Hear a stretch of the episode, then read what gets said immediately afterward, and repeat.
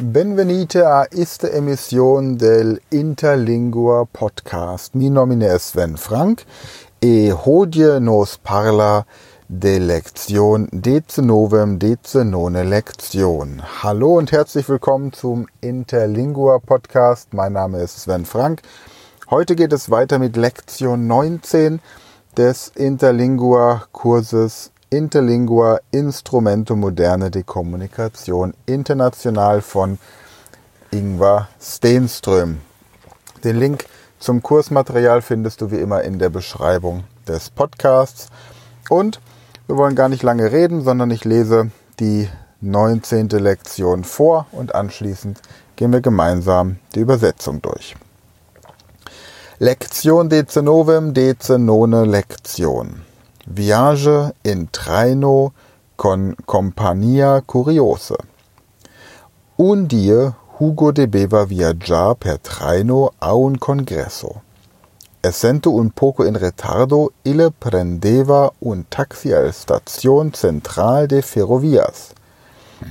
Ibi ille cercava le plataforma 3, cureva al traino e succedeva attingerlo giusto in le momento del partita. Ille passava per duo compartimentos de fumatores e un de non fumatores ante trovar un sede che semblava libere. Ille demandava un signora indicante per su mano le sede. Excusame, es iste sede occupate? No, signor, illa diceva, illo es libere. Si il vos place? Gratias, signora. Hugo vide che su conviatrice ha in su compagnia un parve puera dell'etate de cinque o sex annos, sedente sulle sede opposite. Illa es dulce, con le capillos longe e blonde, e con le oculos azur, grande oculos, que reguarda con vive interesse toto in su ambiente. Nunc Hugo es en el centro de su interesse. Un momento de concentración e illa explode in questiones. Que es vostre nomine? Hugo responde politemente. A ubi vos vadera? Hugo la informa. Havos un billet? Hugo la assecura que si. Quanto costa vostre viage? Hugo pote da la un responsa exacte. Quante moneta possede vos? Hugo continua responder paziente ma inexactamente. Qui es le persona le plus ric que vos cognosce? Hugo non sape forsantu? Oh no, ma como se appella vostre marita? Regretabilemente Hugo non sape che responder. Non importa, illa sape como evitar pausas. Qual color de oculos prefere vos? Hugo reguarda su oculos azur e pensa a un altere par de oculos brun. Senor Hugo, proque non responde vos plus? Gut, schauen wir uns mal diesen Text an. Eine hübsche Geschichte im Zug. Viage in traino con compagnia curiose. Viage, Reise in traino im Zug, also Zugreise, con compagnia mit Begleitung curiose, neugierig. Un dia, eines Tages, Hugo debeva viaggiar, Hugo musste reisen per traino mit dem Zug, a un congresso, zu einem Kongress. Essento un poco in retardo, seiend, ein bisschen in Verspätung, also ein bisschen in Verspätung seiend, ille prendeva un taxi al Station Central de Ferrovias. Er nahm ein Taxi zur zentralen Station der Züge zum Zentralbahnhof, also zum Hauptbahnhof. Ibi ille cercava le plataforma 3. Dort er suchte die das Gleis 3. Dort suchte er Gleis 3. Cureva al traino rannte zum Zug e succedeva attingerlo und schaffte es, ihn zu erreichen, giusto in le momento del partita, gerade im Augenblick der Abfahrt. Ille passava per duo compartimentos, er durchquerte zwei Abteile, de fumatores de non fumatores. Ein Raucherabteil und ein Nichtraucherabteil. Ande trovare un sede che semblava libere, bevor er einen Sitz fand, der frei schien. Ille demandava un signora, er fragte eine Frau, indicante per su mano le sede, zeigend mit seiner Hand auf den Sitz. Also als er mit seiner Hand auf den Sitz zeigte, excusame, es ist es sede occupate, entschuldigen Sie mich. Ist dieser Sitz besetzt? No, Senor, nein, mein Herr, illa diceva, sagte sie.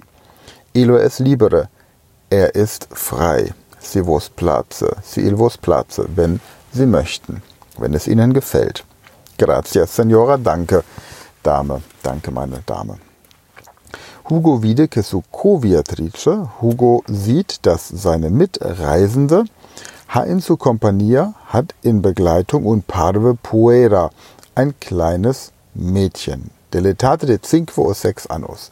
Vom, Im Alter von fünf oder sechs Jahren sedente sulle sede opposite, sitzend auf dem Platz gegenüber, also das auf dem Sitzplatz gegenüber sitzt. Illa es dulce, sie ist süß, con le capillos longe mit langen Haaren, e blonde und blond, e le oculos azur und den blauen Augen. Grande oculos, große Augen, que reguarda, die beobachten, con vive interesse, mit lebhaftem Interesse, tote in su ambiente, alles in seiner, in ihrer Umgebung. Nun Hugo es in le centro de su interesse. Nun ist Hugo im Zentrum ihres Interesses. Un momento de concentración, ein Augenblick der Konzentration, e illa explode in questiones und sie explodiert in Fragen. Sie platzt mit Fragen heraus. Que es vostro nomine? Wie ist Ihr Name? Hugo respondere politemente. Hugo antwortet höflich a ubi, a ubi vos vadera. Wohin fahren Sie? Wohin gehen Sie? Wohin reisen Sie? Hugo la informa. Hugo informiert Sie. Havos un billet? Haben Sie eine Fahrkarte, einen Fahrschein? Hugo le la assicura que si. Hugo versichert Sie das Ja.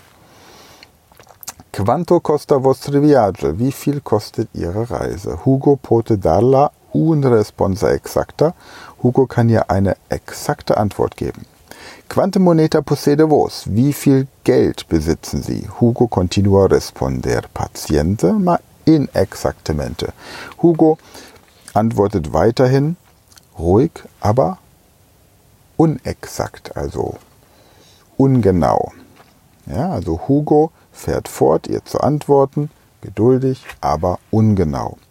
Es le persona le plus ric que vos cognosce? Wer ist die reichste Person, die Sie kennen? Hugo, non sape, Hugo, ich weiß es nicht. Fossantu, vielleicht du? Oh no, ma, oh nein, aber, como se appella vostra marita? Wie heißt ihre Frau? Regretabilmente Hugo non sape che responder. Leider weiß Hugo nicht, was er antworten soll. Non importa, nicht wichtig. Das ist unwichtig. Kein Problem. Illa sape como evitar pausas. Sie weiß, wie man Pausen vermeidet. Qual color de oculos prefere vos? Welche Farbe, Augenfarbe bevorzugen Sie? Hugo reguarda su oculos azur. Hugo betrachtet ihre blauen Augen.